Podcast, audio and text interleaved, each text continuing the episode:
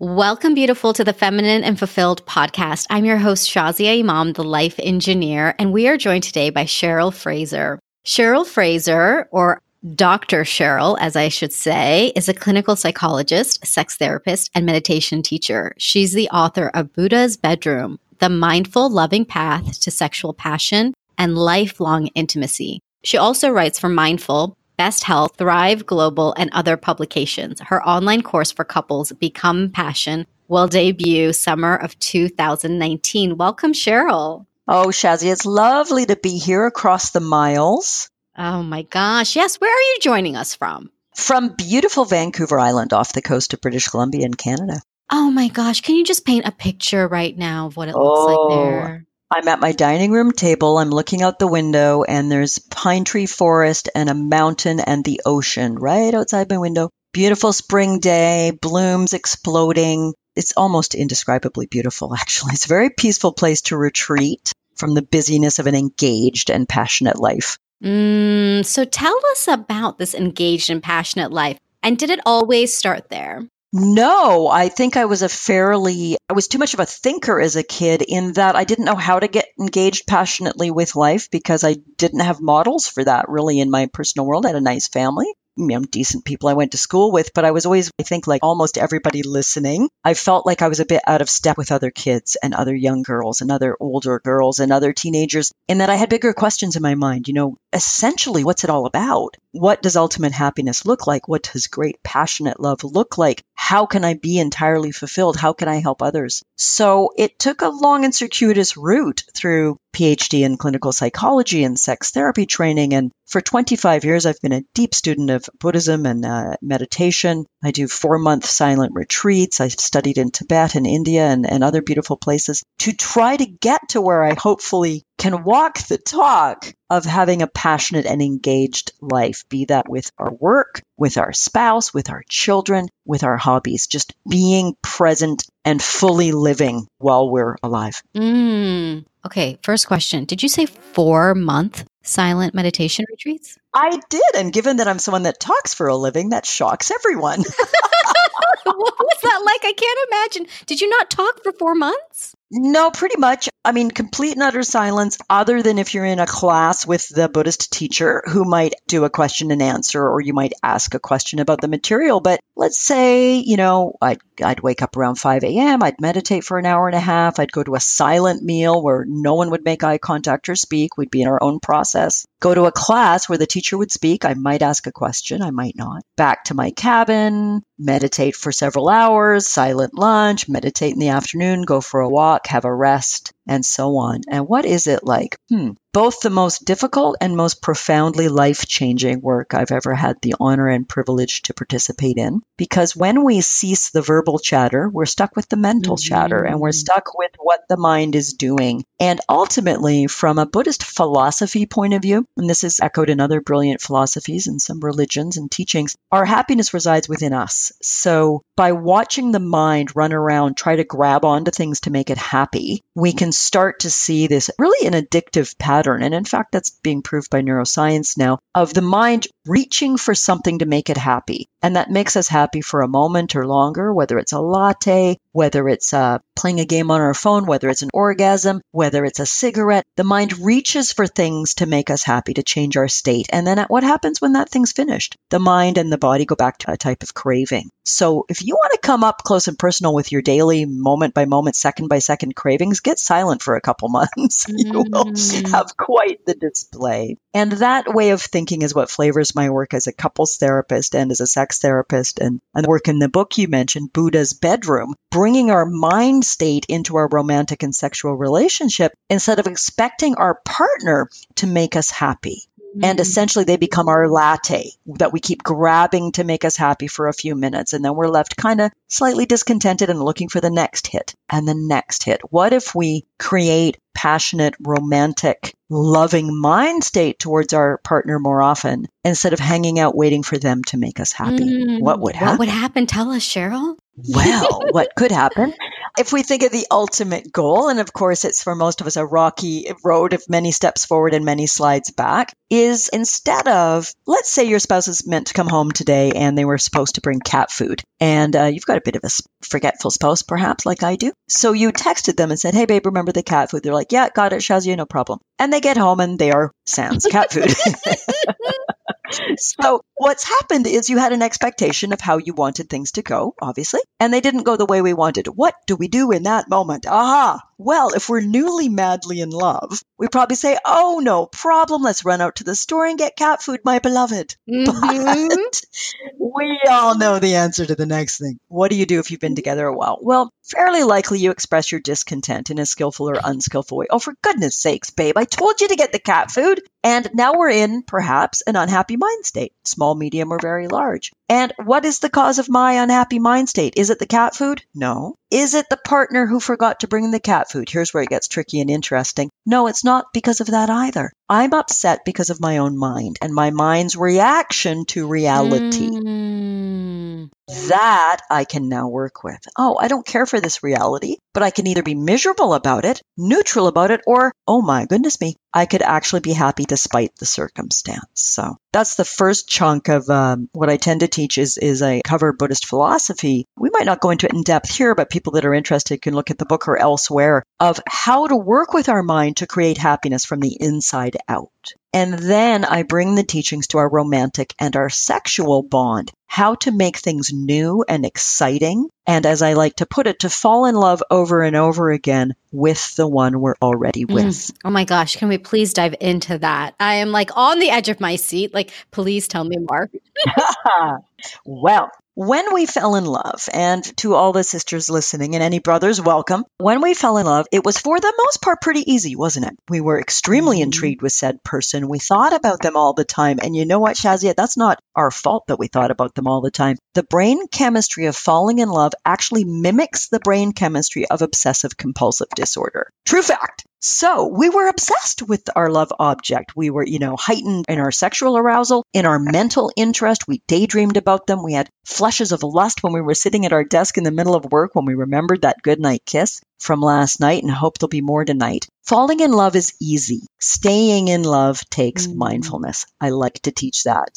Falling in love is easy. Staying in love takes mindfulness. The phase of falling in love, we have heightened biochemistry, neurochemistry, and hormonal attraction and it fades. By definition, we evolve to be beings that are meant to, you know, find a mate and procreate with it. And after that, our job is more or less done. So after the biochemistry of must have that person now settles down, we move into what I call, if we're not careful, we move into what I call marriage incorporated. Mm. What do I mm. mean by that? I mean, we run our marriage, our relationship, and our family life like a corporation. So we love our sweetie and he loves us, but we're really busy and we're running from thing to thing. Two jobs, a child or two or more perhaps, soccer practices, dance practices, renting the cottage for the summer. And we do a really darn good job. Everybody's getting enough vegetables. Everybody's getting to school more or less on time. We do like each other. We're not looking for an affair. We're not overtly looking to break up, but we're incorporated. Marriage incorporated isn't mm-hmm. passionate. It's not connected and it's usually not romantic. We've replaced without meaning to what made us a couple in the first few years. That interest, that prioritization of each other, the time for each other, planning our weeks to make sure we could see each other. All that stuff that came pretty easily when we dated tends to fall by the wayside. We end up in marriage incorporated, which is a type of,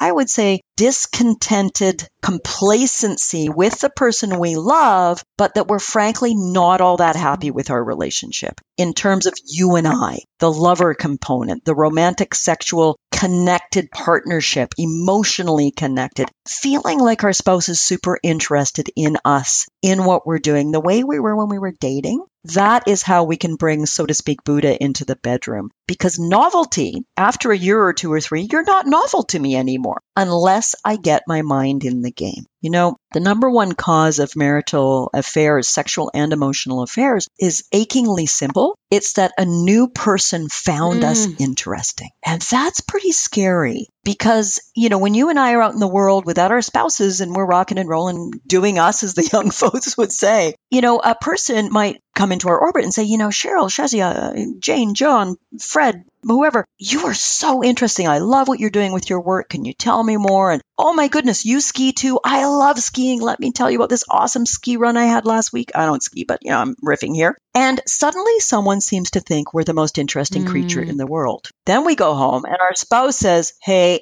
how was your conference? Good. Okay. Yeah. We need a new fridge. Yes. And we're back into Marriage Incorporated.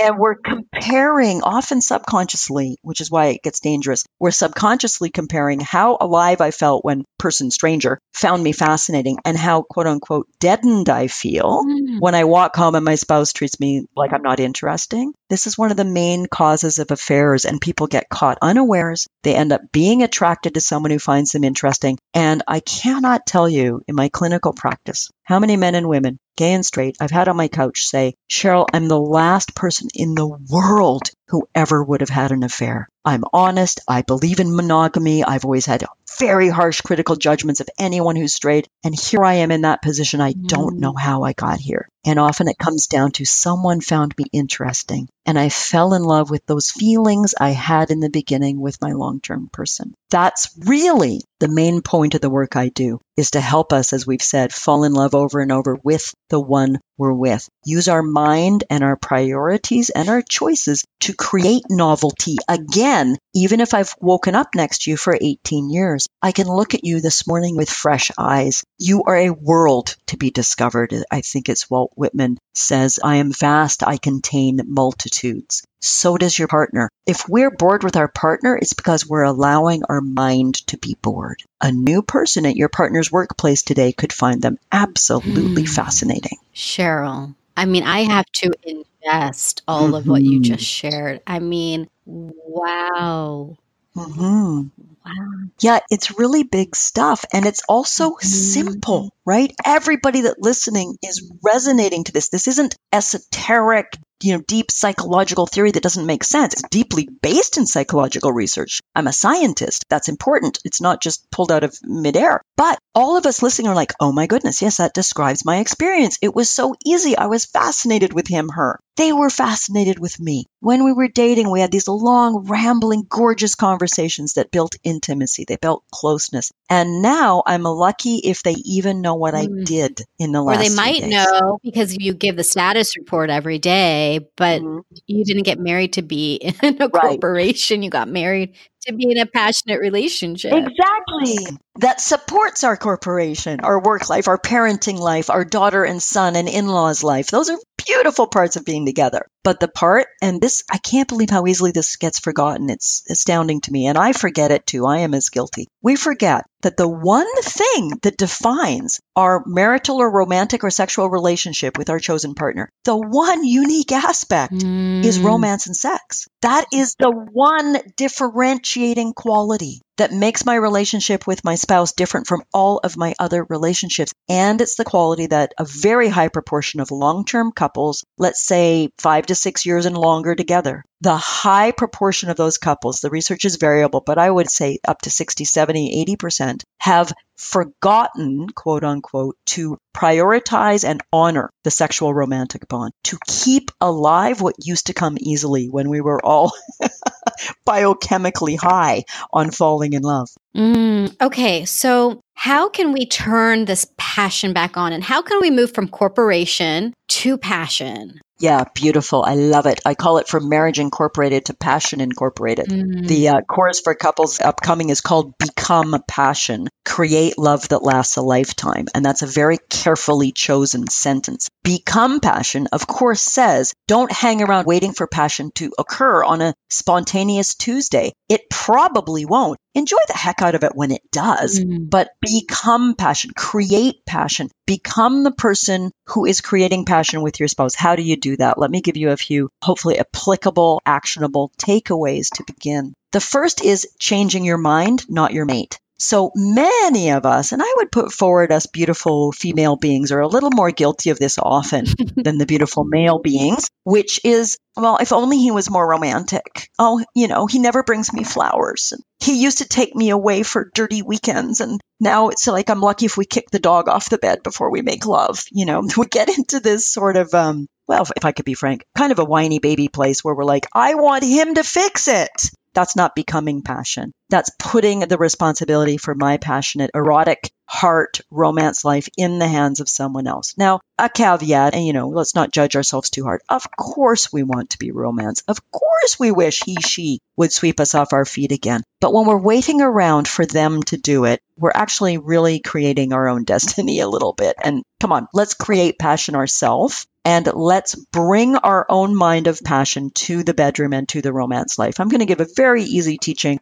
easy to say, maybe a little more difficult to do. And it's not rocket science. It's very simple. Many of us have heard or read or, you know, roll our eyes a little bit, you know, have a date night every week if you can. If you've got a couple of small children, it might need to be once every 14 days. That is some of the most important advice, but I'm going to double it in a moment mm. with a bit of a new take on it. Date night should be where you get out of the house without children and it's just the two of you and you do not talk about finances, marriage incorporated, the squeaky brakes on the car, or the children's need for a new pair of uh, soccer cleats. You talk about maybe your summer plans, you talk about each other, you might talk about fun things you've heard from your friends. And it's very important to date your mate. We all know that, but I wish we could do a straw poll of the listeners in live time and say, okay, hit button yes if you're doing that weekly and hit button no if you're not. And I suspect we'd have maybe 10% would say, yes, we do a weekly date out of the house. But I said I was going to double it. Uh oh, more homework? Uh huh. But it's home play.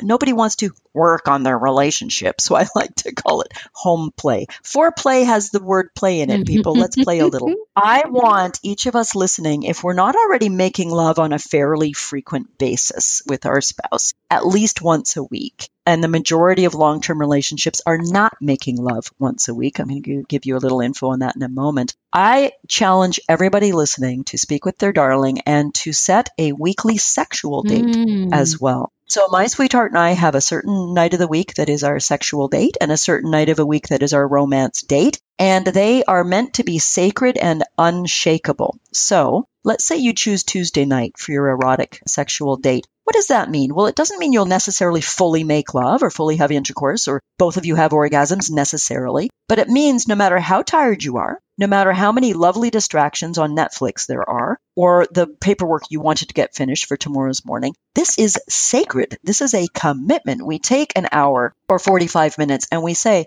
let's go have a shower together, or let's go to bed and start touching each other, or let's kiss erotically, let's give each other a, a massage. We prioritize this. It is unshakable. When we're both tired and one of us says, oh, tonight's sex date night, I'm so tired. The other one says, I know, babe, but it's a commitment. Mm-hmm. The only time you're allowed to change the night is if you give your partner warning, like, ah, I've got this really important business meeting on sex date night. Are you okay if we change it to the night before or the night after? Or if one of you's heinously ill, then have a cuddle night instead and, uh, you know, postpone sex night. Why is this important? Because I said I was going to give some really important information and I'm going to right now. Based on the research of Rosemary Basson, a very important sexuality researcher who primarily focused on the um, intimate delicate complexity of female sexual desire. Her research indicates that we're all normal because her research indicates that the majority of long-term partners, you know, five years or more together, start making love from a place of sexual neutrality. Now, what does that mean? It's very simple. It means we start making love even though neither of us is in the mood. Wait a second. You're normal? Yes. If you make love because it's Wednesday night, if you make love because you haven't made love in three weeks and you're feeling guilty about it, if you make love because you're completely not turned on, but you know afterwards you'll feel emotionally and sexually happy and closer, you're normal. The majority of long term couples start making love when neither of them is turned on. Through the process of connecting, touching, kissing, giving each other oral sex, turning each other on, the bodies often catch up become aroused and we end up having a satisfying emotional and sexual encounter. What is the key takeaway there? Make sexuality mm-hmm. a priority. Don't expect it to happen on its own. particularly as we age or pregnant or breastfeeding or menopausal, we should not rely on our natural horniness, our natural previous sexual arousal level, high, medium, or low, whatever our norm used to be. We shouldn't expect it to continue without some help of putting our head into bed.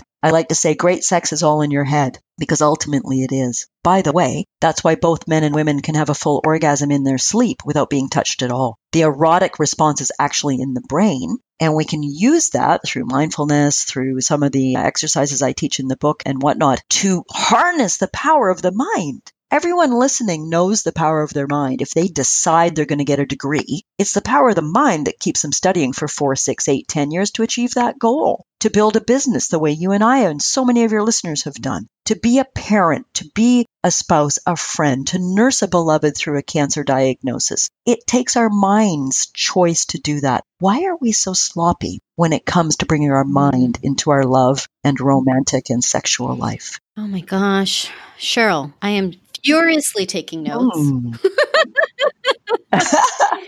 wow. So, this is a fascinating point about really making it a priority and not, I think there's this notion in relationships of, you know, if it's not happening naturally, then maybe there's something wrong in the relationship. If you're not just like fawning all over right. each other and, and being like it was in the beginning, then there's something wrong. But what you're saying is make it a priority, set a date, set this weekly sex date along with the romance date yep. and make yep. it happen. Right. And I want to reassure us all again, it's not our fault. Biochemically, evolutionarily, we are engineered to be in an altered state of consciousness when we're falling in love and lust with serotonin, dopamine, oxytocin, all sorts of hormonal and biochemical changes. We are high, sister. We've all been there. It's bloody marvelous. And then the high starts to cool off in three months, six months. Maybe if you're really lucky, you get a year or two of ripping each other's clothes off spontaneously. And then the biochemistry settles down to a mm. contentment biochemistry, a nesting biochemistry, a child rearing biochemistry. Whether or not we choose to be parents, our biochemistry, our biology, our evolution is leading toward we've got each other. Now we decorate the cave and hang out. So what do we do, sister? We decorate mm. the cave and mm. hang out. And it's lovely. We love our sweetheart. We love snuggling him or her. We like hanging out together watching movies. We might like walking on the beach, holding hands and chatting about marriage incorporated and planning important things. But we are not feeling our altered state of consciousness of falling in love. Falling in love is easy. Staying in love takes mindfulness. It takes planning. Or we end up in a serial monogamy situation or an affair situation, perhaps most destructive given the betrayal and harm of lying, where we keep recreating novelty by mm-hmm. moving from person to person and recreating the high for six months, a year, two years. The statistics bear me out here in that, and divorce statistics are, are a bit hard to get because, you know, research is imperfect, but roughly 30 to 40% of initial marriages in North America end in divorce. And it is a higher proportion of second marriages that end in divorce, up to 50 or 60%. What? Well, clearly leaving our marriage incorporated for a new love of passion and excitement and feeling we're going to get it right the second time,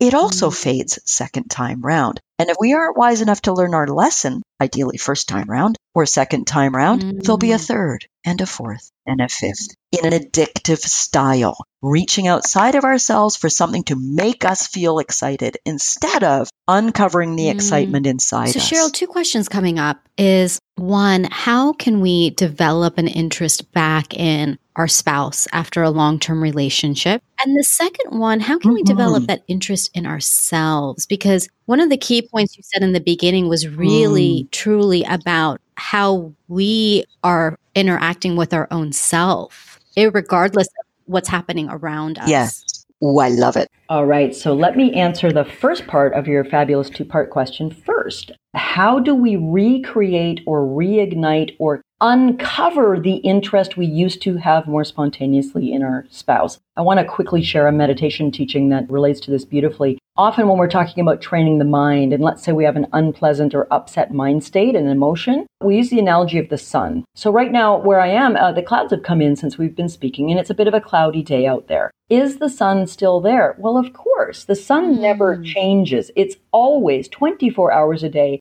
being the radiant sun. But when it's cloudy or pouring rain, we say, Oh, I wish the sun would come out. And when it's dark, when it's nighttime, we say, Oh, I can't wait for dawn. The sun never changes. Things come between us and the sun. So, same with our mind. Under the mind of discontent or misery or anger or anxiety is the sun shining, which is the mind of loving kindness, compassion, and well being, however we conceptualize that. So, if you want to find your mate interesting again, I like to say, let's uncover the interest that's already present. Let's remove some of the clouds between you and what's already there. And I'll share a, a, quick little exercise people can do today with their sweetie. It's described in the book and it might be on my website. I have some free teachings from the book there. I can't recall if it's on there, but it's called Ask Interesting Questions. So I challenge each of us to do the following. Come up with a list. There's a list in the book. You can make up your own of open ended, interesting questions and go on a date with your sweetheart walking on the beach or having appies at your favorite local pub or whatever and say, okay, Shazia,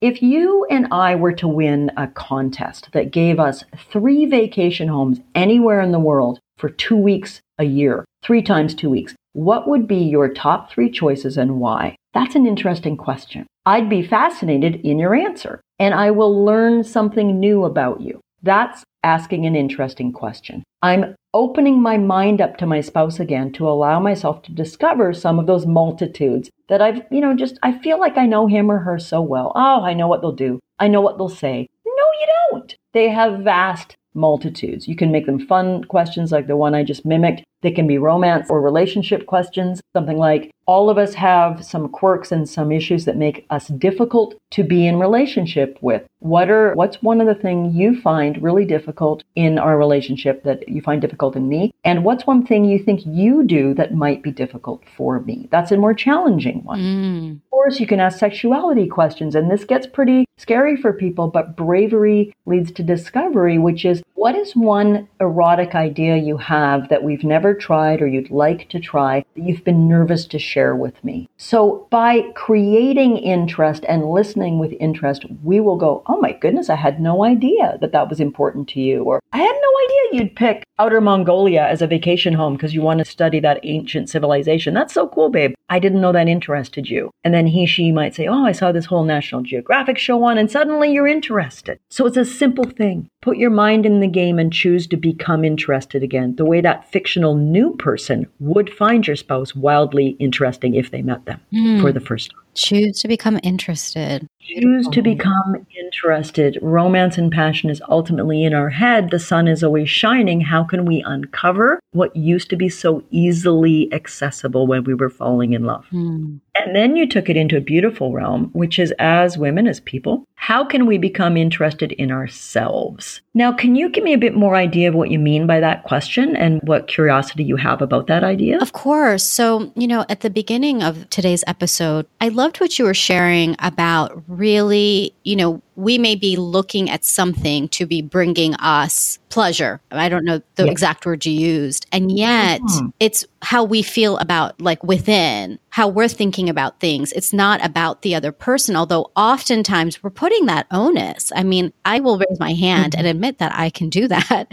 and expect, yes. you know, yeah. even though objectively I know that I shouldn't do this, I can find myself even energetically wanting my husband to bring me happiness or to bring me pleasure mm-hmm. or to take me away from feeling maybe lonely or feeling an experience that isn't happy. So I love that you started touching on that and how it's most important to really feel that within. And so I just love to explore that even more. Mm-hmm. And this brings us back to a number of different ways of looking at it. But my uh, primary default, given my training and, and passion around it, is from a Buddhist perspective, which is that ultimately we do know nothing or no one can ultimately make us happy. If we're in a very depressed and dark phase in our mind and heart, the most wonderful partner in the world can't pull us out of it. They can offer some comfort, they can offer some support, but our own inner well being in our mind, in our emotions, and in our self identity is what leads to whether we're well or not well. So the onus there is to train ourselves, and this takes time and it takes effort to train ourselves away from essentially what we've believed all our life that it turns out doesn't work, which is if only I get just the right outer circumstances, I'll be happy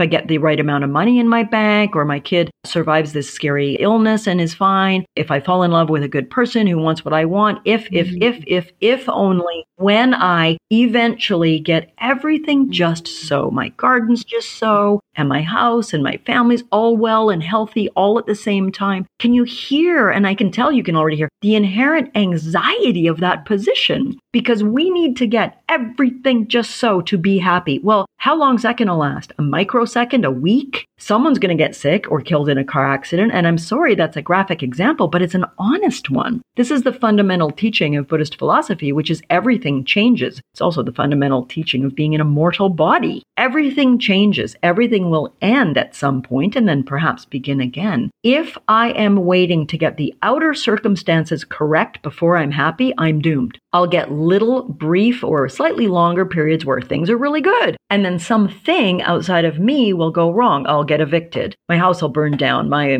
partner will leave me. My child will decide they hate me and move across the world and stop talking to me. If my happiness is predicated on anything other than an inner wholeness, an inner flexible strength of mind, of heart, of integrity, of passion. I am like a tree or a boat is a better example. A boat being, you know, thrown about by the waves and the wind. By training our mind through meditation, through prayer, through whatever quieting and strengthening practices work for us, I would liken it to that same boat that has an unshakable anchor line to the earth. And no matter how badly the wind blows, the winds of change, of ups and downs, no matter how much the ocean whips itself into a fury and tosses our mind boat around, we still have a ballast of an inner belief and strength and self compassion and what might be called an esteem, a self love and a self knowing that I myself can regenerate and refill and renew even when life deals us some of the most tragic and difficult circumstances, as so many persons, yourself included, have lived through. What brings us through the worst times? Ultimately, the support of loved ones is amazing, and I hope we all have it in bounty, but it is our own inner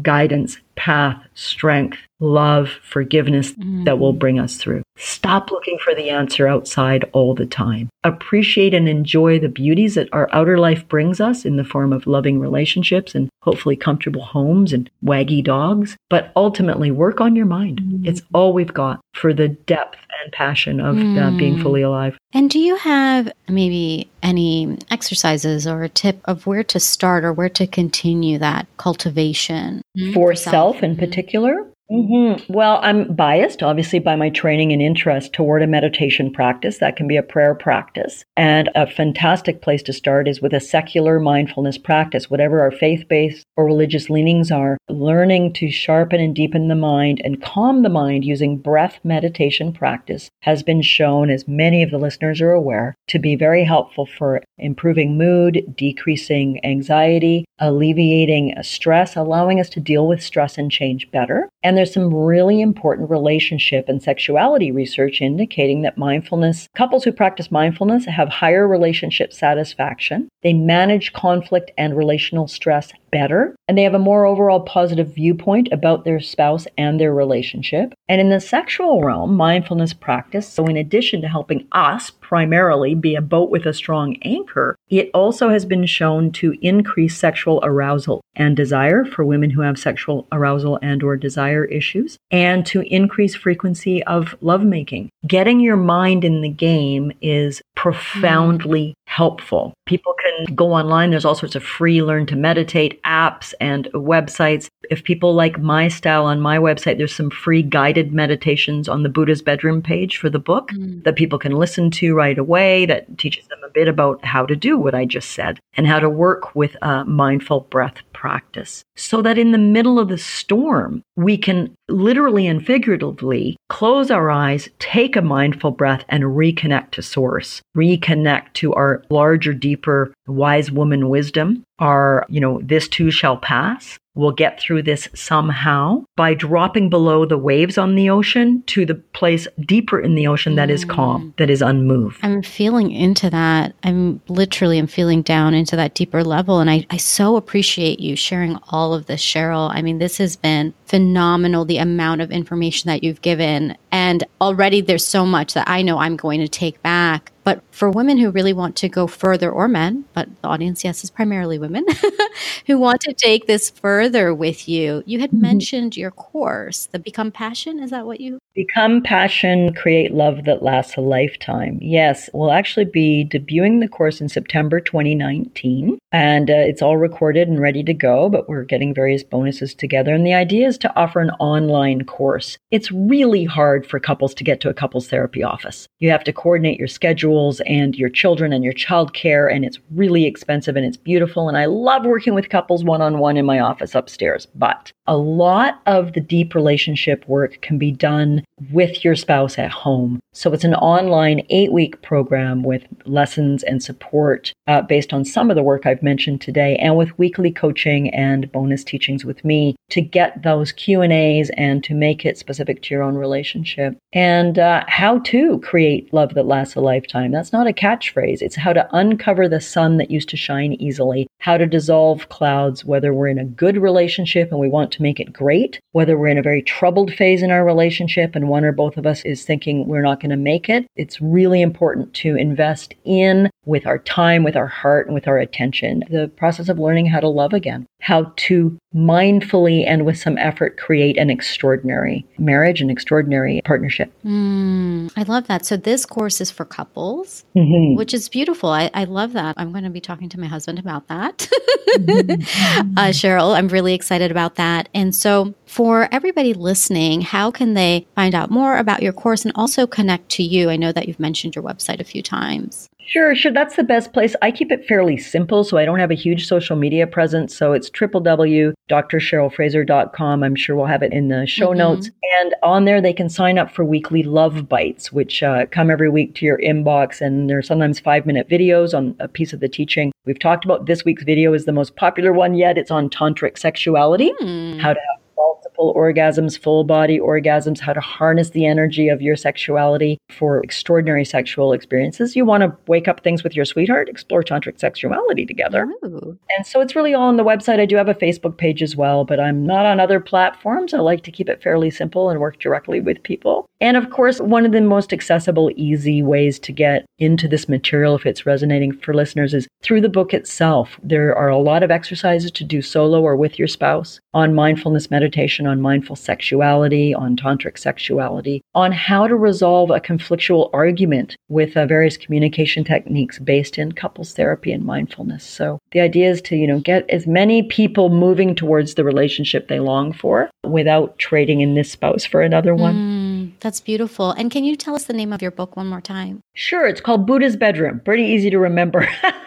and the subtitle is The Mindful Loving Path, which is the Eightfold Buddhist approach to sexual passion and lifelong intimacy. And by intimacy, there I mean emotional, psychological communication closeness. So it's not just about sex, it's about full relationship of sexuality being one vital mm. component. Oh my gosh. Well, you just took it everywhere today, Cheryl. I mean, I am just getting turned on by this interview. So thank you for this beautiful time. And everything will be on our show notes, as you mentioned. So we will have links to how you can connect to Dr. Cheryl Fraser, learn about her book, her course, get those love the love bites you said is love oh my bites, gosh i yeah. am like signing up for that latest one and we will have that at thelifeengineer.com slash podcast slash cheryl which is c-h-e-r-y-l